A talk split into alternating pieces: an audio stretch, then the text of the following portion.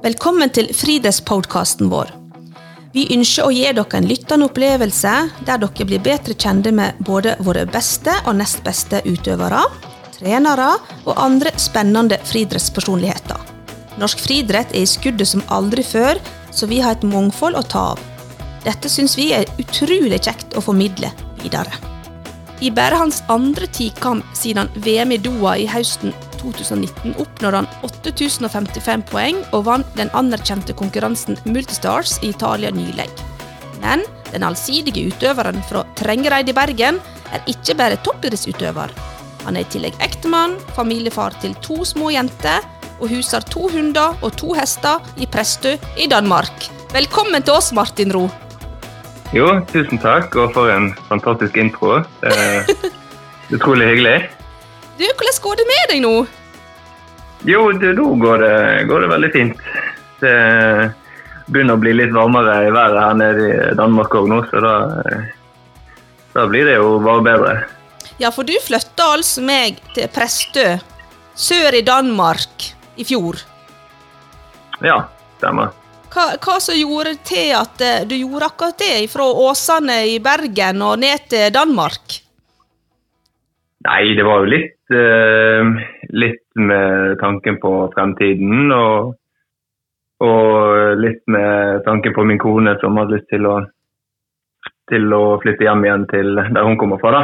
Eh, så da, da når endelig vi fikk tilbud på, eh, på plass å bo og, og ja, det vi trengte, så, så var det egentlig et ganske greit tidspunkt å gjøre det. Ja, for hun, eh, fruen din Kristine, hun er dansk. Hun er dansk, ja. Hvordan møtte du hun? Ja, det var jo, eh, det var jo på, eh, på treningsleir, faktisk. Hun eh, holdt jo på med, med friidrett før hun òg. Og drev med, med sprint og, og hekk, da. Um, så når vi var på treningsleir nede i Portugal, så eh, møtte jeg på henne tilfeldigvis der, da. Og eh, ja, det ble jo det ble jo bare mer og mer det, og balla mer og mer på seg. Og nå står vi jo her i dag. Ja, det ble kjærleik med første blikk, eller? Ja, jeg må nesten si at det var det. Det var, eh, det var veldig sånn spesielt, fordi vi hadde nettopp, eh, vi hadde nettopp møttes der nede. Og, og da var det kanskje to dager før jeg skulle reise hjem fra treningsleir. da. Så, så det, var en, det var en lang reise hjem, og eh, det var mye, mye følelser inne, inne da. Ja, det var det. Men eh, trener hun eh, Kristine friidrett den dag i dag? Nei, nå, det er en del år siden hun har, hun har gitt seg, men, men hun, hun trener nå litt for å holde seg i form og liker å være aktiv. Og har jo, hun har jo to hester å passe på. Og, ja, det er jo mye, mye aktivitet med de òg. Ja, hun er glad i ridning og hest. Ja, hun har vokst opp med, vokst, vokst opp med hest eh, før hun begynte med, med, med noe idrett. Og, og det har liksom ligget i, i hennes natur da, eh, hele livet. Så ja, etter vi hadde vært sammen et par år, så, eh, så fikk hun seg hest. Og det, ja. Var det greit for deg?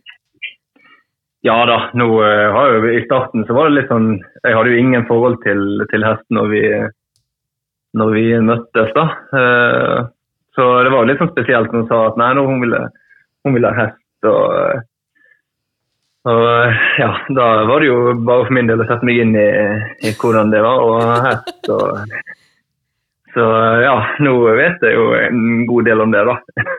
ja, det gjør du sikkert. ja. Men du Martin, du har jo som sagt nylig gått gjennom en strålende tikamp nede i Italia.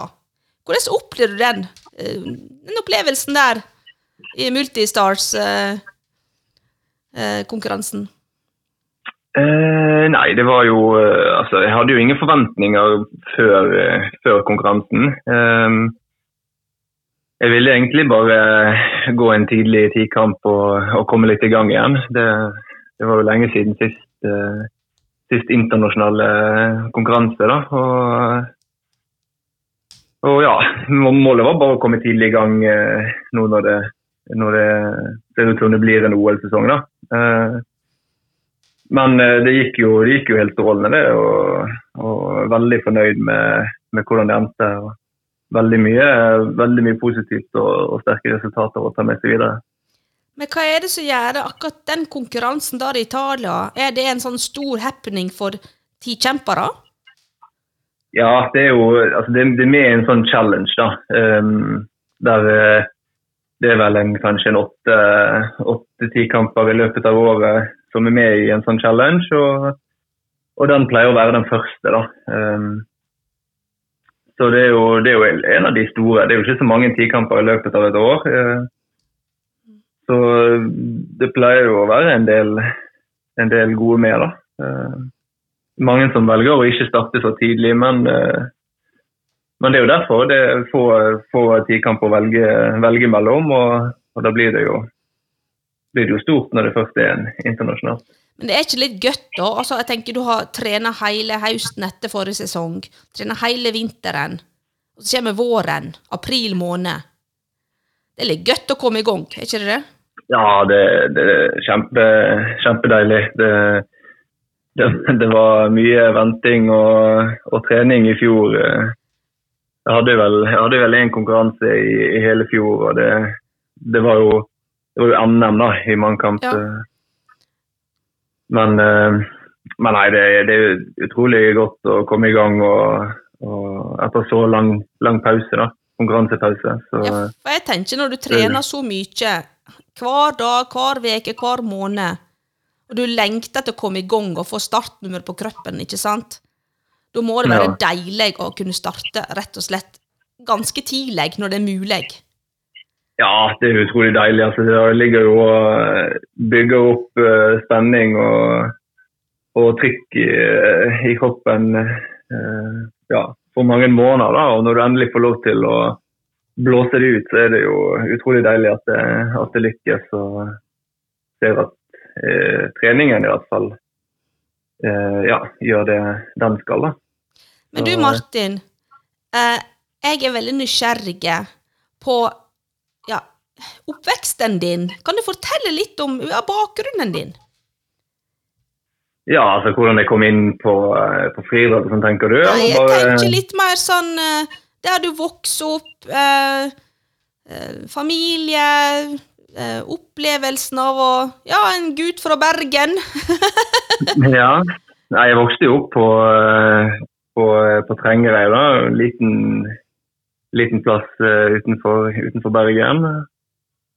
Uh, vi hadde jo besteforeldrene som nabo og var veldig tett med de da. Uh, som var veldig deilig.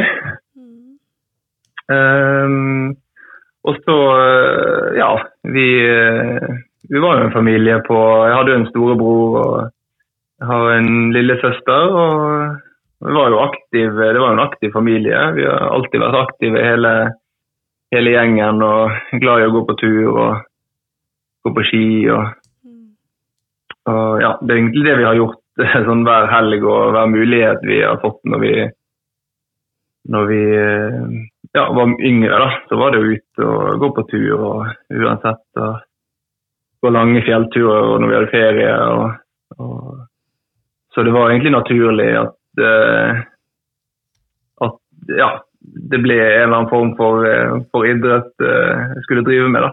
Men hvorfor friidrett? Nei, det, det, er vanskelig å si. Min, min bror skulle begynne, storebror som er to år eldre, skulle begynne på friidrett. Og da slengte jeg meg bare med, med på, de, på de treningene som han var med på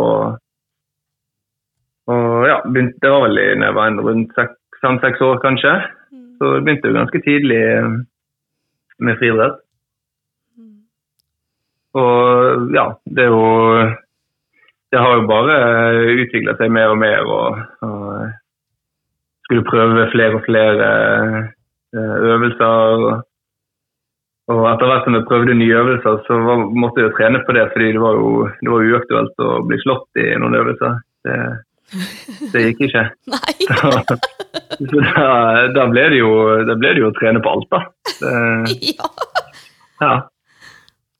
Så mange komp, altså det å være med i flere øvelser kom ganske tidlig for deg? ja, det gjorde det. det. Jeg var vel med i det meste når jeg var rundt tolv år, kanskje. Begynte med stav når jeg var rundt tolv, tror jeg. Eh, som var vel kanskje den siste øvelsen jeg begynte med. Eh, og da sa jeg når jeg var yngre at som stavhopping det skulle jeg aldri begynne med. Det var jo forferdelig skummelt å se på. Det, det var det siste jeg skulle begynne med, men eh, så plutselig sto jeg der da, og hadde prøvd det litt. og og ja, Det var det samme der som i alle andre øvelser, at uh, der måtte jeg trene. fordi ja, det var jo andre som var gode òg. Men følte du tidlig at du mestra mange øvelser? Ja, altså jeg trente jo mye. Vi trente jo, uh, trente jo hver dag. Og, og, og jeg følte jo jeg, jeg, tok sånn grunnteknikken i de fleste øvelsene ganske kjapt. da. Og da uh, ja, det er jo ganske naturlig at det ble, det ble mange kamper eh, jeg skulle drive med. og Det ga jo mersmak etter jeg gikk min første, første mangekamp. Og, ja, hvor gammel ja. var du da? Din første mangekamp? Jeg lurer på om jeg var 15 år, kanskje, når jeg gikk min første mangekamp. Men Var det sjukamp eller tikamp, da? Eh, ja, det var vel syv eller åtte kamp. Ehm, jeg gikk jo jeg gikk noen sånne, altså når jeg, var, når jeg var yngre, så gikk jeg noen sånne fire, fire kamper og sånt eh, ja. i KM og sånn, men det ja, det er jo litt, litt få øvelser, da. Ja ja, men jeg må jo begynne en plass, tenker jeg. ja, ja, absolutt. Så Nei, det ble jo skikkelig gøy først når jeg ble 15 år og, og det var UM og, ja. og litt, større, litt større stevner, da. Ehm, og så da jeg var, jeg var 17, så, så, kvalifiserte jeg meg til ungdoms-VM. Ja. Da var det åtte kamp, da. Nå er det vel gått opp til ti kamp, tror jeg. Mm. Men da var det åtte kamp. Eh, og det, det, var jo en fantastisk opplevelse. Og, og bare få være med var jo utrolig kult. Og, og ga jo ekstremt med motivasjon til å fortsette med det. Hvor var det henne, da? Ja, det var, det var faktisk Italia, ja. i Bressagnone. Det ligger rett ved siden av uh, den tikampen jeg, jeg gikk nå, ja. faktisk. Så, så det Ja, det var veldig, veldig spennende å være med på plutselig ut i verden med ja, ekstremt mange andre land.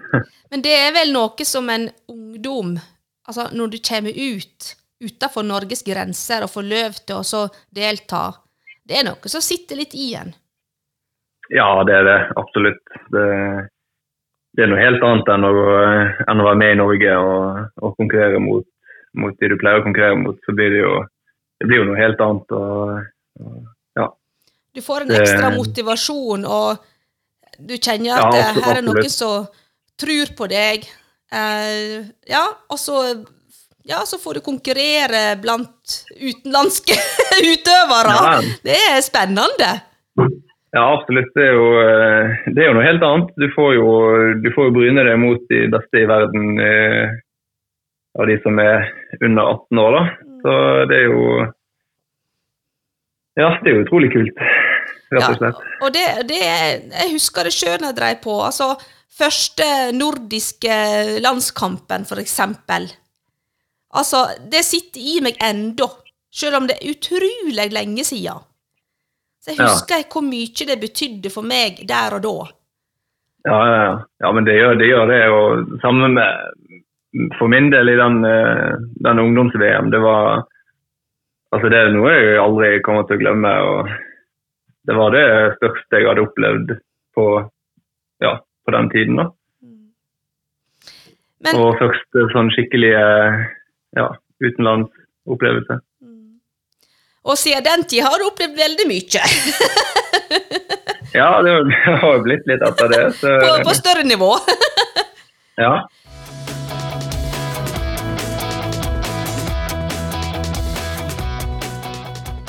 Det jeg tenkte, det var dette du har jo så mange øvelser å velge mellom. Altså, eller du kan ikke velge, men du kan kjenne sjøl hva du liker best. Hva Ja. er det slags øvelser du føler du presterer best i?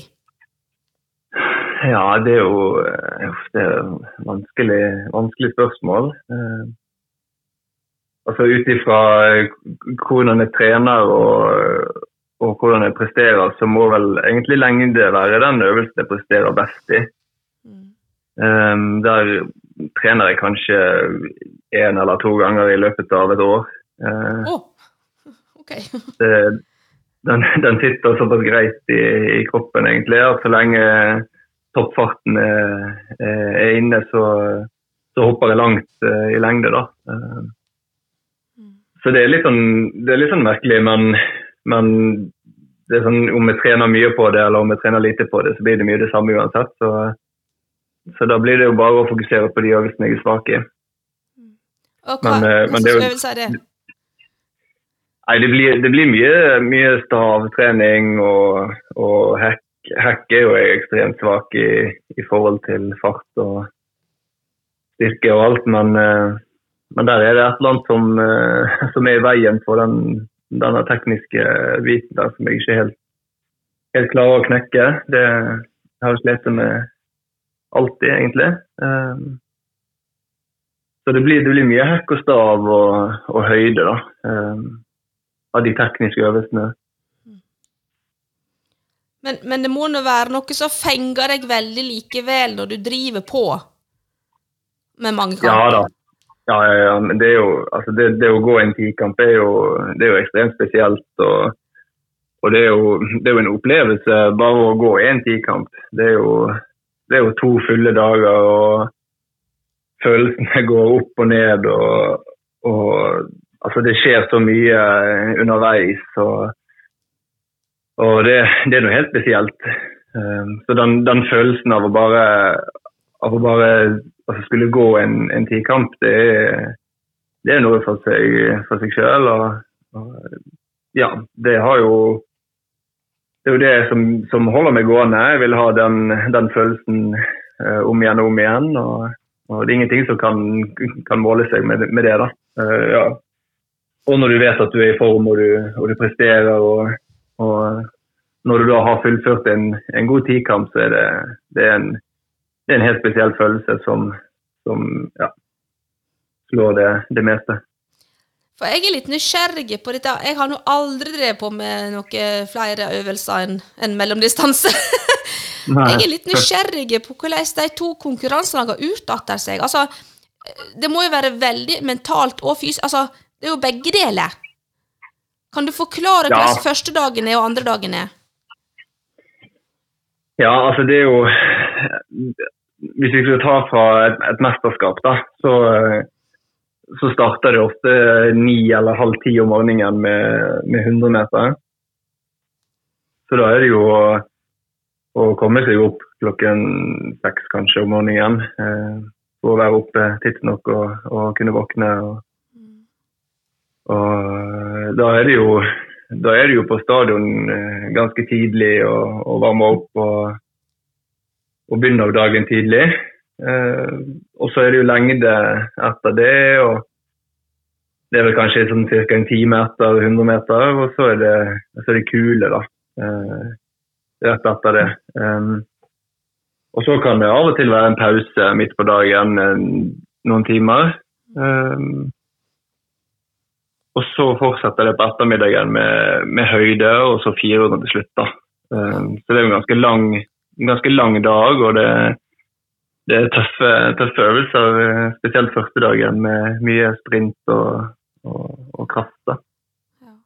Så tenker jeg det at det- ja, dette er første dagen, men hver en eneste øvelse er jo så utrolig viktig. Du må jo være Ja, topp er konsentrert og fokusert på hver Ja, eneste ting. Ja, det er, veldig, altså det er jo veldig tøft. Det går jo mange ting gjennom hodet i løpet av en sånn dag. og Det, går, altså det, det gjelder, altså det gjelder å, å holde fokuset. for Hvis du begynner, med, begynner å tenke for mye på, på hvordan det kommer til å gå, eller eller hva, hvor mye du må ha for å gjøre det så så bra, eller tenker på alle de andre, så, så kan du jo fort, kan du fort eh, sånn, miste fokus på hva du skal gjøre sjøl. Og, og, så, eh, og så er det jo kjørt hvis du plutselig får eh, tre døde hopp i lengde, f.eks. Eller, eller Det er sånne små ting som kan, som kan skje, som, som, har skjedd med mange. Og, og da er jo alt ødelagt. For du tenker sikkert poeng oppi hodet ditt, du da?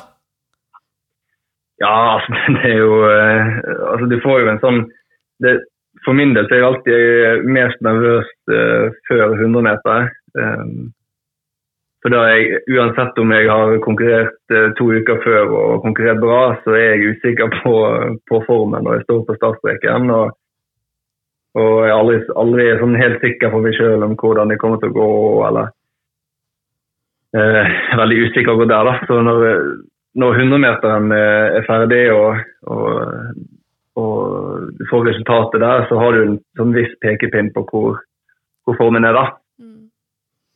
Så, så når, løpt, når, jeg har løpt 100 meter, i hvert fall, så er jeg i gang. og Da senker jeg skuldrene og, og bare tar én øvelse om gangen. Da. Vet du hva jeg tenker? Tikamp er litt mentalt. For dette Ja, det, ja. det, det, er veldig det, det, er veldig tøft. Altså, det, det er det. Så hvis du å, hvis du har en dårlig øvelse og går og tenker på den, så, så, så vil du jo, vil jo dra med deg den dårlige følelsen og videre i, til neste øvelse. Så det som er viktig, og det som, som jeg og eh, min mor og trener eh, tar og fokuserer på, det er jo at når vi har gjort en øvelse, så er det bare videre til neste. Da eh, legger vi den vekk, og så fokuserer vi på hva vi skal gjøre på neste øvelse. Og, og, ja. For jeg tenker at Når du først går en tikamp, så har du jo trent steikegodt før du går inn, ikke sant? Så det fysiske ja, er jo på en måte på plass. Du vet kanskje ikke helt hvordan formen er, men likevel, du har trent veldig godt. Og ja. så tenker jeg akkurat det der mentale underveis.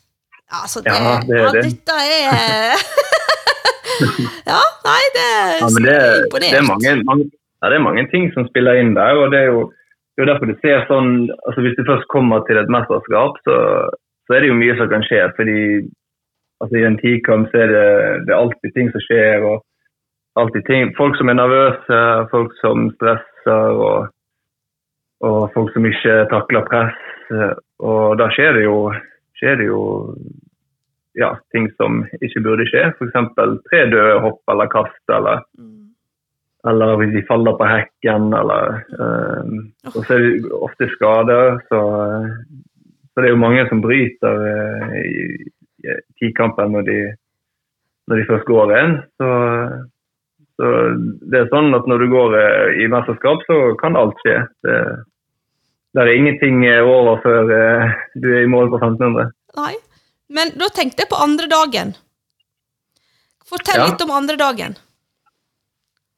Ja, Den begynner jo ganske tøft. da, fordi vi, vi, pleier jo som regel å være ferdig ganske sent. Kanskje sånn nitiden på eh, åtte-ni-tiden om kvelden på, på, i mesterskap. og da, da, er det med 400, som er ganske tøff, og syren er jo mm -hmm. helt oppi ørene. Så, ja. og ganske sliten etter en lang dag. Så, så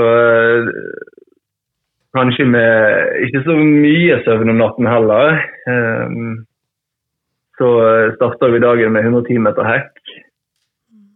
Som er tøft å komme seg over med, med stive bein og tidlig om morgenen. Og, ja. Uh, der er det egentlig bare å komme seg i mål, og så, så er det diskos.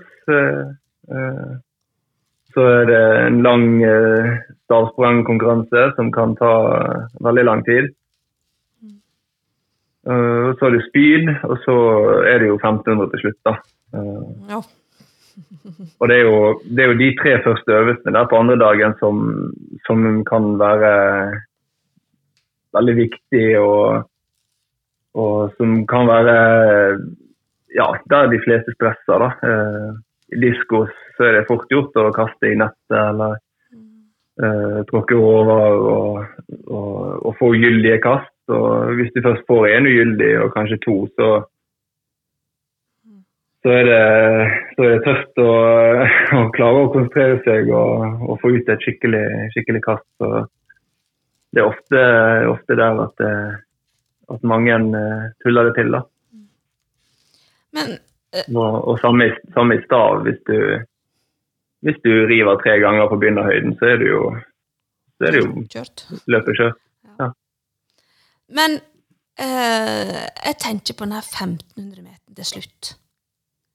Ja. Hvordan er det å ha i hodet, i bakhodet, at du skal springe altså meg en del runder rundt den banen?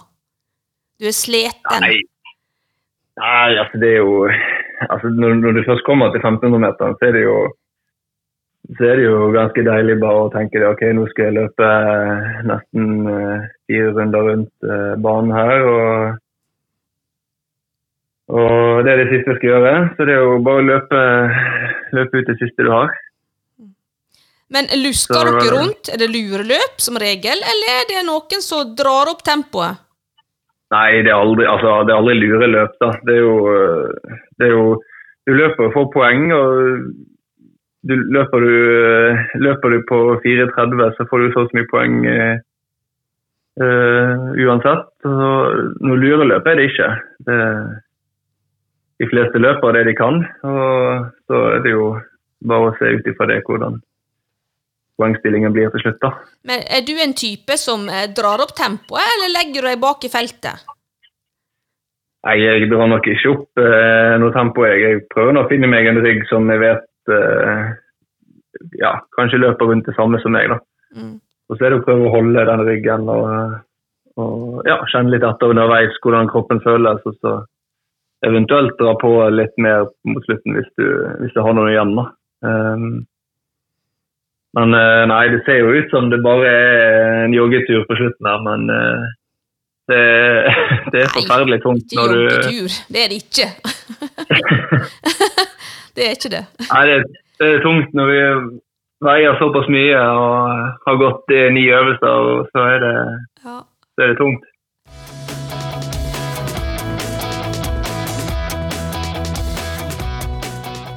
Tenker liksom, du har to dager, to fulle dager med øvelser, full konsentrasjon.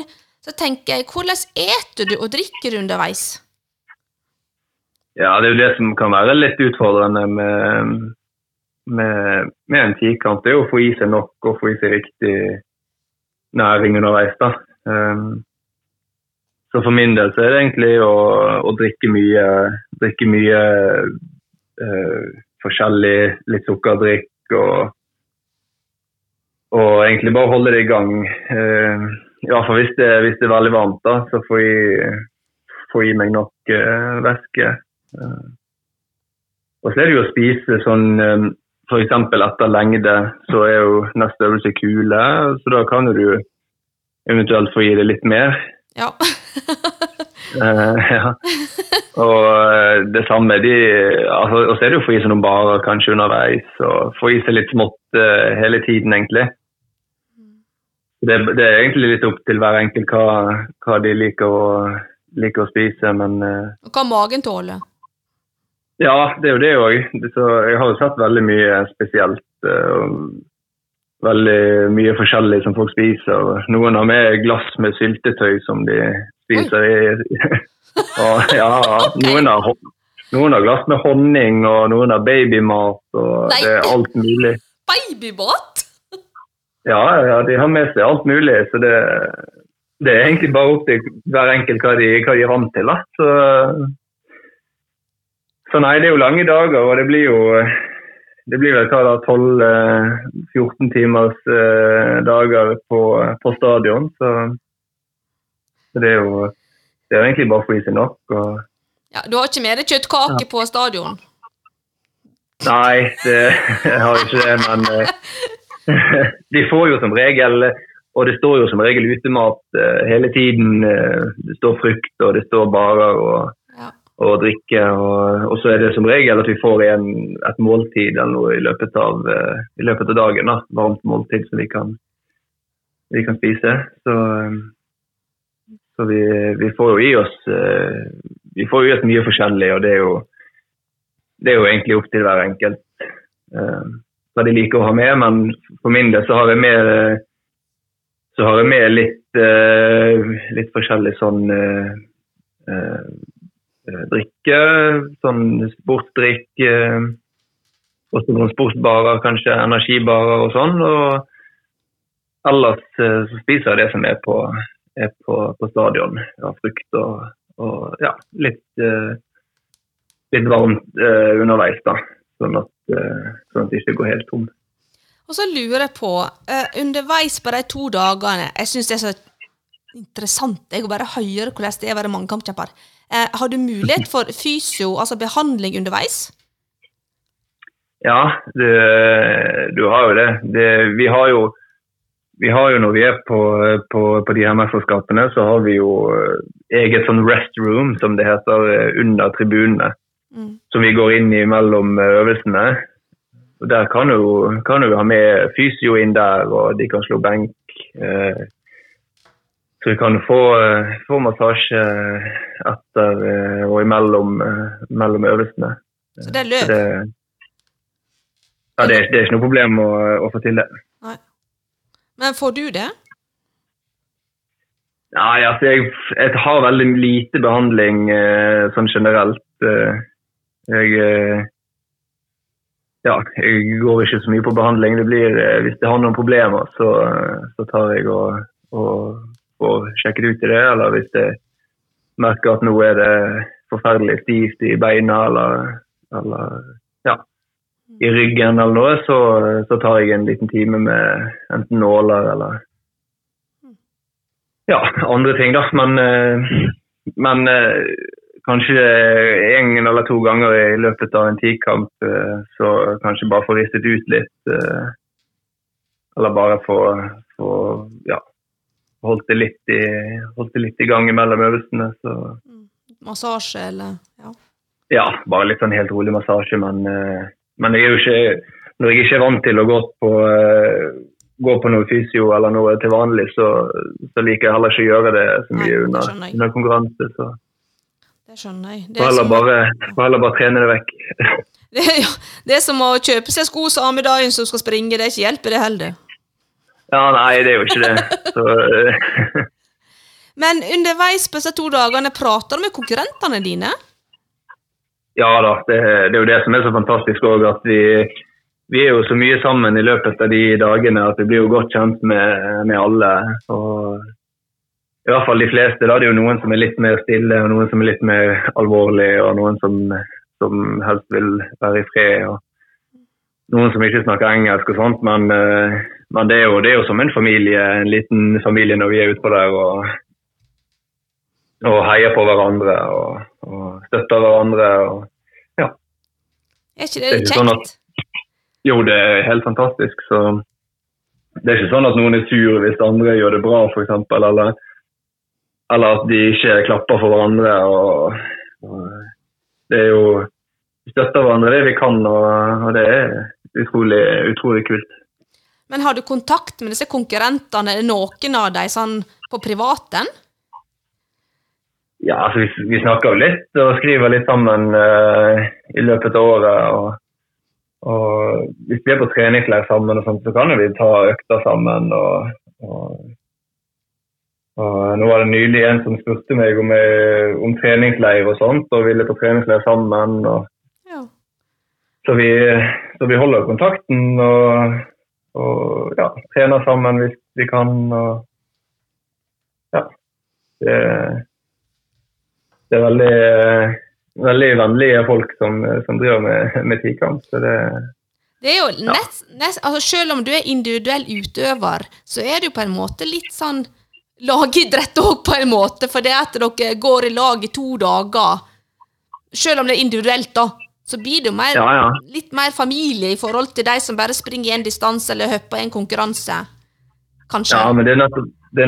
Det fordi vi, alle som, som går tikamp, de vet jo hvor mye vi legger ned i, ned i, det, og hvor mye vi må trene for å, for å kunne prestere på, på høyt nivå. Så, så derfor er jo alle altså alle vil jo støtte hverandre, da, for vi vet hvor mye som ligger bak, og hvor mye, hvor mye det betyr å, å, gjøre det bra. Og, og alle, alle, trener jo så å si like mye, så, så derfor, derfor, prøver vi å støtte hverandre det vi kan. Men du eh, Martin, du har altså med to jenter. Lilly på tre og et halvt og Emmy på ett år og ti måneder. Og du er yes. gift med Kristine, bor i Danmark. Hvordan er det å være toppidrettsutøver og ha familie? Nei, altså det, funker egentlig veldig fint. Eh, altså For min del så funker det jo, funker det jo veldig bra, men det er vel så å si 100 pga. Min, eh, min kone som, som, eh, som, er så støttende, og hun vet, vet hva som skal til for å, for å prestere. og og hun, hun, er med, hun, er med, jentene våre så å si hele tiden. Og når jeg er ute og reiser, så, så vet hun det at det er det som må til. Og, og ja, da er hun der og, og, gjør det som skal til for at jeg kan prestere. da.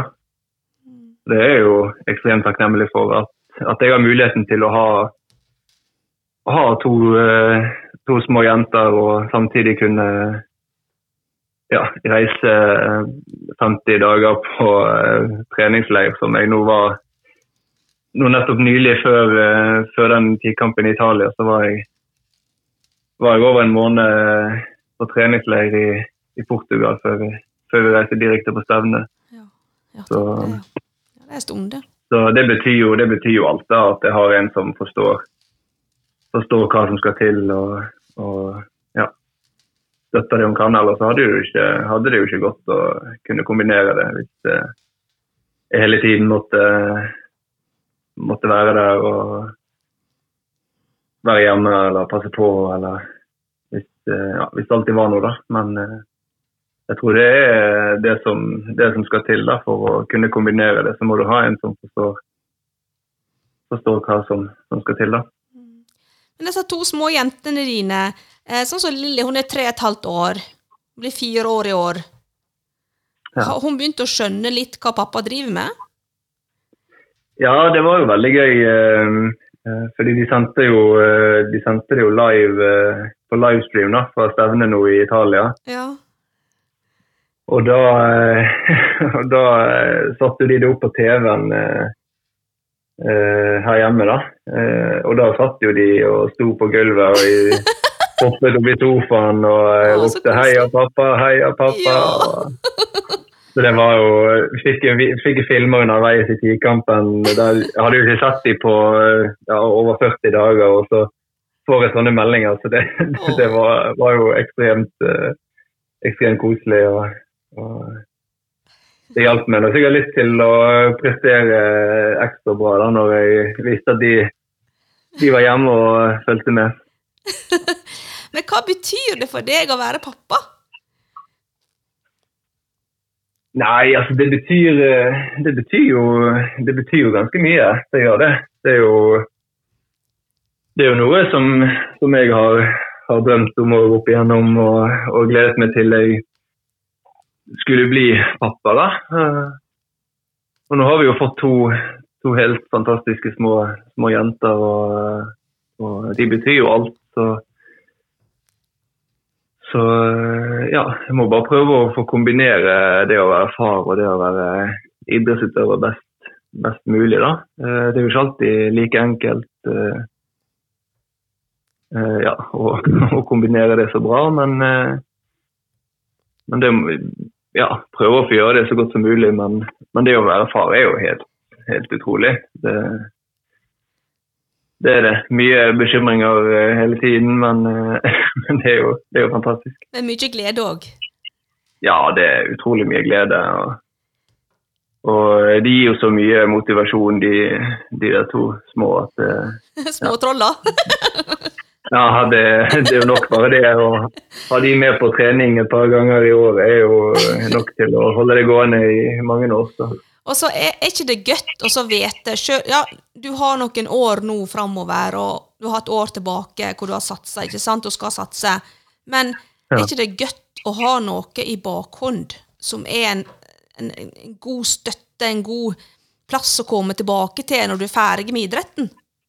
Jo da, det er jo absolutt det. Og det var det vi, vi snakket om òg før vi fikk eh, den første. Det var jo at, at vi vil jo ikke Vi har jo ikke lyst til å få unger når vi er, når vi er ja, 35 30. Altså vi, vi, vil jo være unge med, med, mens, vi, mens, vi, har barn. Og, og, derfor var det jo bare å, å ja, gjøre det vi kunne for å få det til. Da. Og, og det tror jeg noe jeg vil som, som, jeg vil være veldig takknemlig for når, eh, når vi blir litt eldre. Da. At ikke vi, ikke venter i fem eller ti år til med å, med å få barn. da. Og så skal jeg si en ting. Jeg har snakka med to personligheter. Eh, du veit hvem det er, men du veit heller ikke helt hvem det er. Ok. For jeg skal spørre deg om du klarer å tippe hvem dette her er. Den, den første sier dette her om deg. Du er rolig. Du er målbevisst. Og du har beina godt planta på jorda.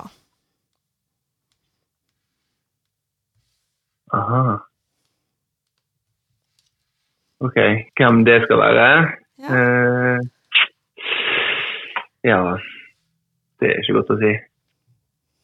Uh, jeg veit det. Du, du, vet det, ja. Det, det, det, jeg har fasiten. Det håper jeg. Ja, det håper jeg, ellers blir vi sittende kanskje en stund. Ja. Men, uh, nei, skal vi si min mor, da, kanskje? Nei. Nei. Du får ett uh, valg til. Uh, ja, da må det vel være min, uh, min kone, da. Ja. ja. Det er Kristine. ja. ja, men det høres jo ikke så dumt ut. Det, den tar jeg med meg videre. Hun sa egentlig mye mer òg, men så veldig positivt, altså. Men jeg tenkte jeg måtte plukke ut noen ting, så du ikke skulle tippe det med en gang.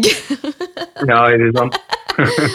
Og så den andre personligheten som jeg har snakka med, som du også Du veit hvem det er, iallfall. Det gjør du. Okay. Ja. Eh, vedkommende sier at du er ærlig. Eh, du er dedikert. Du er omsorgsfull. Og så var ikke så glad i skolen. Å ja. Jeg var ikke så glad i skolen. Du ville aller mest på trening. Hæ. Ja, da må det jo være min mor, det. Ja, det er Ingvild! ja. Nei, altså, du var egentlig ganske inne på sporet, skjønner du. Ja, ja. Nei, jeg snakket med deg i dag, begge to. ja, ok. Ja, ja. Og Nei, men det ble jo full, full potte. Ja da, det var det, men du stussa litt. Ja, vi vet jo det. Lite bitt, som Noah sier, min sønn. Lite bitt. ja. Hadde, hadde, jo egentlig full kontroll, men måtte gjøre det litt sånn spennende. Ja. ja.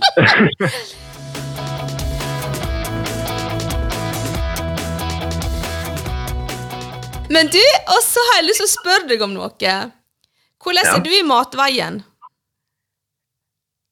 Ja, hvordan tenker du eh, Nei, Hvordan jeg spiser, eller? Ja, ja, ja, hva liker du å ete? Uh, er du kresen eller ikke kresen? Nei, jeg er ikke kresen, fordi jeg har mye sånn matallergi, skjønner du. Ah. Um, ja. Så all, all, sjømat er jeg allergisk mot. Alt fisk og reker og alt det kan jeg ikke spise.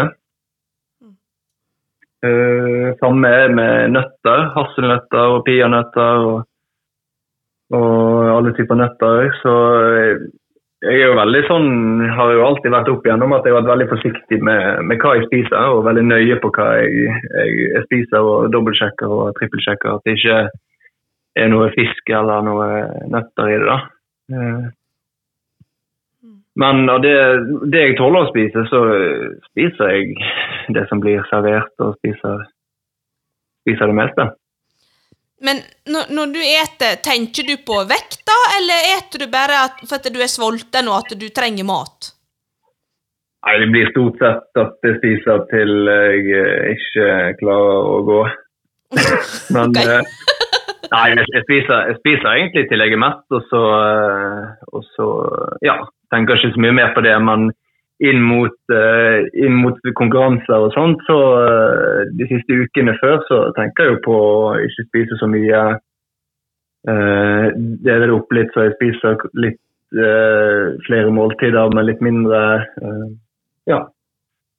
Så, men ellers, ut, utenom det, så spiser jeg bare det jeg føler for. og ja, det har funket hittil, da. Men hvis du skal kose deg skikkelig på en fredagskveld, og det er ikke konkurranse den helga, ja. hva har du lyst til å ete da? Nei, altså jeg er jo ekstremt svak for, uh, for søtsaker og, og, spesielt chips, da. Ja. Så eksempel når det er off-season, så, så kan jeg uh, Altså jeg tømmer en pose chips på fem-ti minutter uten problem. Så, så, det, så det, det, det, er kanskje det jeg er svakest for. Eh, det er godteri, da. Så, så der må jeg holde veldig stramt i, i sesong og, og, inn mot konkurranser. Så. Så, men ellers, hvis det skal ha en skikkelig, vi skal ha en skikkelig god fredag, så er det jo bare å sette fram alt som er, vi har i skapene, og så spiser jeg til det er tomt. ja, ja, men det er godt å høre, egentlig. Da Da har du et noenlunde sunt forhold til kosthold. ja da, jeg har det. Så jeg, eh, jeg prøver ikke å sånn eh, tenke for mye på det eller stresse for mye på det heller. Men, eh, men, men heller de siste ukene før en, en konkurranse, så bare ja, ta det litt, ta det litt mer kontrollert. og, og ikke trykke i seg alt, alt jeg finner. Så. Skjønner. Ja. Skjønner. Det pleier å, pleier å, funke veldig fint. Eh, og så eh, Jeg snakket litt med Modig, di, da. Og så forteller hun meg det at eh, du har et arr på magen din. Ene sida av ja. magen din. Hva, hvorfor det? Nei, Det var vel en nyreoperasjon da jeg var liten. da. Det var jo mye det var mye problemer med meg da jeg var liten, inn og ut på, på sykehus. Eh, Eh, ja, hver uke til det var ja, Jeg vet ikke hvor gammel jeg var når det, når det slutta, men, eh, men det var mye, mye feil, med, feil, med, meg når jeg ble født, vet du. Så, så jeg har et arr eh, på magen, ja. Og, og så fikk jeg blod, blodforgiftning òg da jeg var liten. Og det var mye, mye styr. Mye fram og tilbake. og mye, brukte mye tid på, på sykehuset. Ja. Men Har det plaga deg ettertid, eller er du på en måte ferdig med det? Nei, det har ikke plaget meg uh, i det hele tatt, egentlig. Um, det har det ikke. Uh, men jeg er litt sånn uheldig, uheldig type, da. Har, har en del arr på kroppen. og Har vel en på fingeren, jeg har i pannen og på leggen og magen. og Ja, det blir uh, det blir litt sånn uh, klumserier uh, her og der. Du har knalla og falla litt? Hva sa du nå? Du har knalla og falla litt? Ja, jeg har jo det. Så jeg har jo faktisk Den, der, den på leggen, det var uh, faktisk Jeg fikk en slegge når jeg var på trening. Fikk en slegge rett inn i leggen. Au. Så da måtte vi inn og, inn og sy det igjen. Nei, for det at hun, eh, hun Ingunn hun sa det at Dette her med arret på magen, da. Eh, grunnen til at jeg sa det, det er det at eh, Hvis jeg spør om det har blitt, blitt beten av en hai Det er noe han, noe han pleier å tulle med, sa hun. Å ja. Ja, ja, ja. Stemmer det. Jeg var okay, så det var det, da.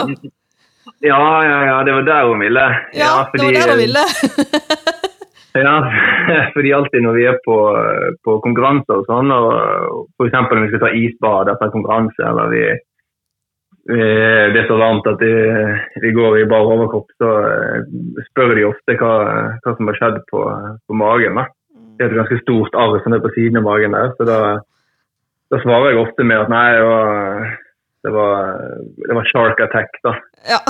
Og da får jo helt, uh, får jo helt sjokk, vet du. Uff a meg. ja, det, er alltid, det er alltid den, de, den de prøver å dra da, når det er noen spør. Men, Ja, jeg skjønte at det var hun, hun, hun sa til meg det at det, det er jo tull, selvfølgelig, men jeg, jeg bare jeg måtte liksom tenke litt hm, her er det noe annet egentlig i bunn og grunn. Ja, ja. ja da. Um, men du, um, du har jo den norske rekorden på 8000 og, 8228 poeng ja. fra Firenze i 2018. Ja. Hva tenker du om kommende altså Nå er du i gang i sesongen, men hva tenker du om sommeren nå? Nei, altså det, det eneste som er i tankene mine nå, det er jo OL. Og, og ja, det er det eneste målet jeg har. Håper å få være med der. Og, og det er det store målet jeg har hatt hele tiden. Så hvis jeg får komme med der, så er jo det, er jo det en drøm. Men hva som skal til for at du blir tatt ut der? Eh, er det på ranking, eller hva er det for noe som gjør at du kan bli tatt med der nå? Eller må du gå en tikamp til? Nei, altså nå eh, foreløpig så er jo jeg inne på, på rankingen. da. Nå er jeg vel ranka som nummer tolv, tror jeg, Mm. i verden. Men, eh, men jeg, jeg, jeg må jo enten ta kravet, eller så må, eh, må jeg ligge høyt opp på verdensrankingen. Ja. Eh, Så det, det er litt sånn det er litt sånn vanskelig å forstå, men hvis, hvis det er bare 24 plasser, da, så hvis 24 stykker tar kravet, så må jo jeg ta, ta kravet òg. Ja. Um, ellers så, hvis ikke så mange tar kravet, så må jeg ligge helt opp på, på ja, topplassene på verdensrankingen. da. Men hvis du kommer til OL da i Tokyo, hva Ja. Altså, hvordan tenk, altså, hva tenker du om OL? Altså, å komme til en plass på andre sida av jordkloda, et annet klima, helt annen tidsforskjell. Altså, alt er jo annerledes enn her i vesle Norge. Ja, ja, ja. Og i. Danmark, for en del. Ja, Hva, hva tenker nei, du om det? Nei, altså hvis det kommer til OL, så vil jeg bare nyte det og, og ja, få med meg så mye som mulig fra, fra det som skjer. og altså Det blir jo ikke så mye hvis jeg kommer så blir det ikke så mye annet enn å, enn å være på hotellet og, og på trening og, og så på, på stadion. Men, eh, men eh, nei, altså det vil bare være å nyte det. Nyte å konkurrere. Og ja, det jeg har drømt om hele livet. Så, så det vil jo være utrolig stort, da. Det vil jo Ja. Det vil være Det vil være det største som jeg kan oppleve som, som idrettsutøver. da. Ja, fy søren. OL er jo ah, Ja. Det er drømmen, altså. Ja, det er det. Det, det, det er den store drømmen, så så jeg får bare krysse fingrene og håpe at, eh, håpe at det går. Men hva tenker du sånn åra framover? Har du noe tidsperspektiv på, på, eh, på karrieren din? Nei, egentlig ikke. Nå, jeg har ikke tenkt så mye over, så mye over det, men, men, eh, men vi må nå se hvordan, eh, hvordan sesongen går. Og, og foreløpig ser det, jo, ser det jo veldig bra ut. Og, og så, lenge, så lenge jeg presterer bra, så det jo, gir det motivasjon videre. Men hva Så, er det som eh, motiverer deg aller mest med å drive med dette her? Nei, det er jo, det er jo å prestere da, og få den uh, følelsen som jeg snakket om uh, tidligere. Og, og fullføre en god tidkamp. Uh, den følelsen er jo det vi drømmer om hele vinteren og gjennom alle treningstimene. Så, så det er jo det, det, er jo det som holder meg gående. da. Og så lenge jeg presterer bra, så vil jeg jo, vil jeg jo fortsette. Men hva tenker du om eh, med mangekomkjempere i Norge, altså miljøet rundt dere i Norge? Hvordan er det? Ja, nei, jeg har jo alltid vært, vært alene som mange kjemper i, i Bergen og trent alene. Og ja, egentlig eh, Vi har egentlig bare fått sånn eh, hjelp fra litt forskjellige kanter, da. Men, eh, men sånn som det ser ut nå, så er jo det veldig, et veldig bra miljø i Oslo i hvert fall, da, med, med, med tikamp og mange unge som er på vei oppover. Så, så, de er jo veldig heldige at de kan at de har hverandre der de kan trene sammen med og, og ja, presse hverandre til å bli gode. da. Så akkurat nå så ser det veldig lovende ut for, for, for fremtiden for norsk eh, tikamp. Helt til slutt, hva er neste ting på planen din? Altså konkurranse? Nå blir det den uh, største tikampen uh, som er hvert år i Østerrike, som heter Gutsis. Um, den er nå siste helgen i mai. Og så blir det eventuelt en tikamp to uker etter der igjen, da, nede på Tenerife.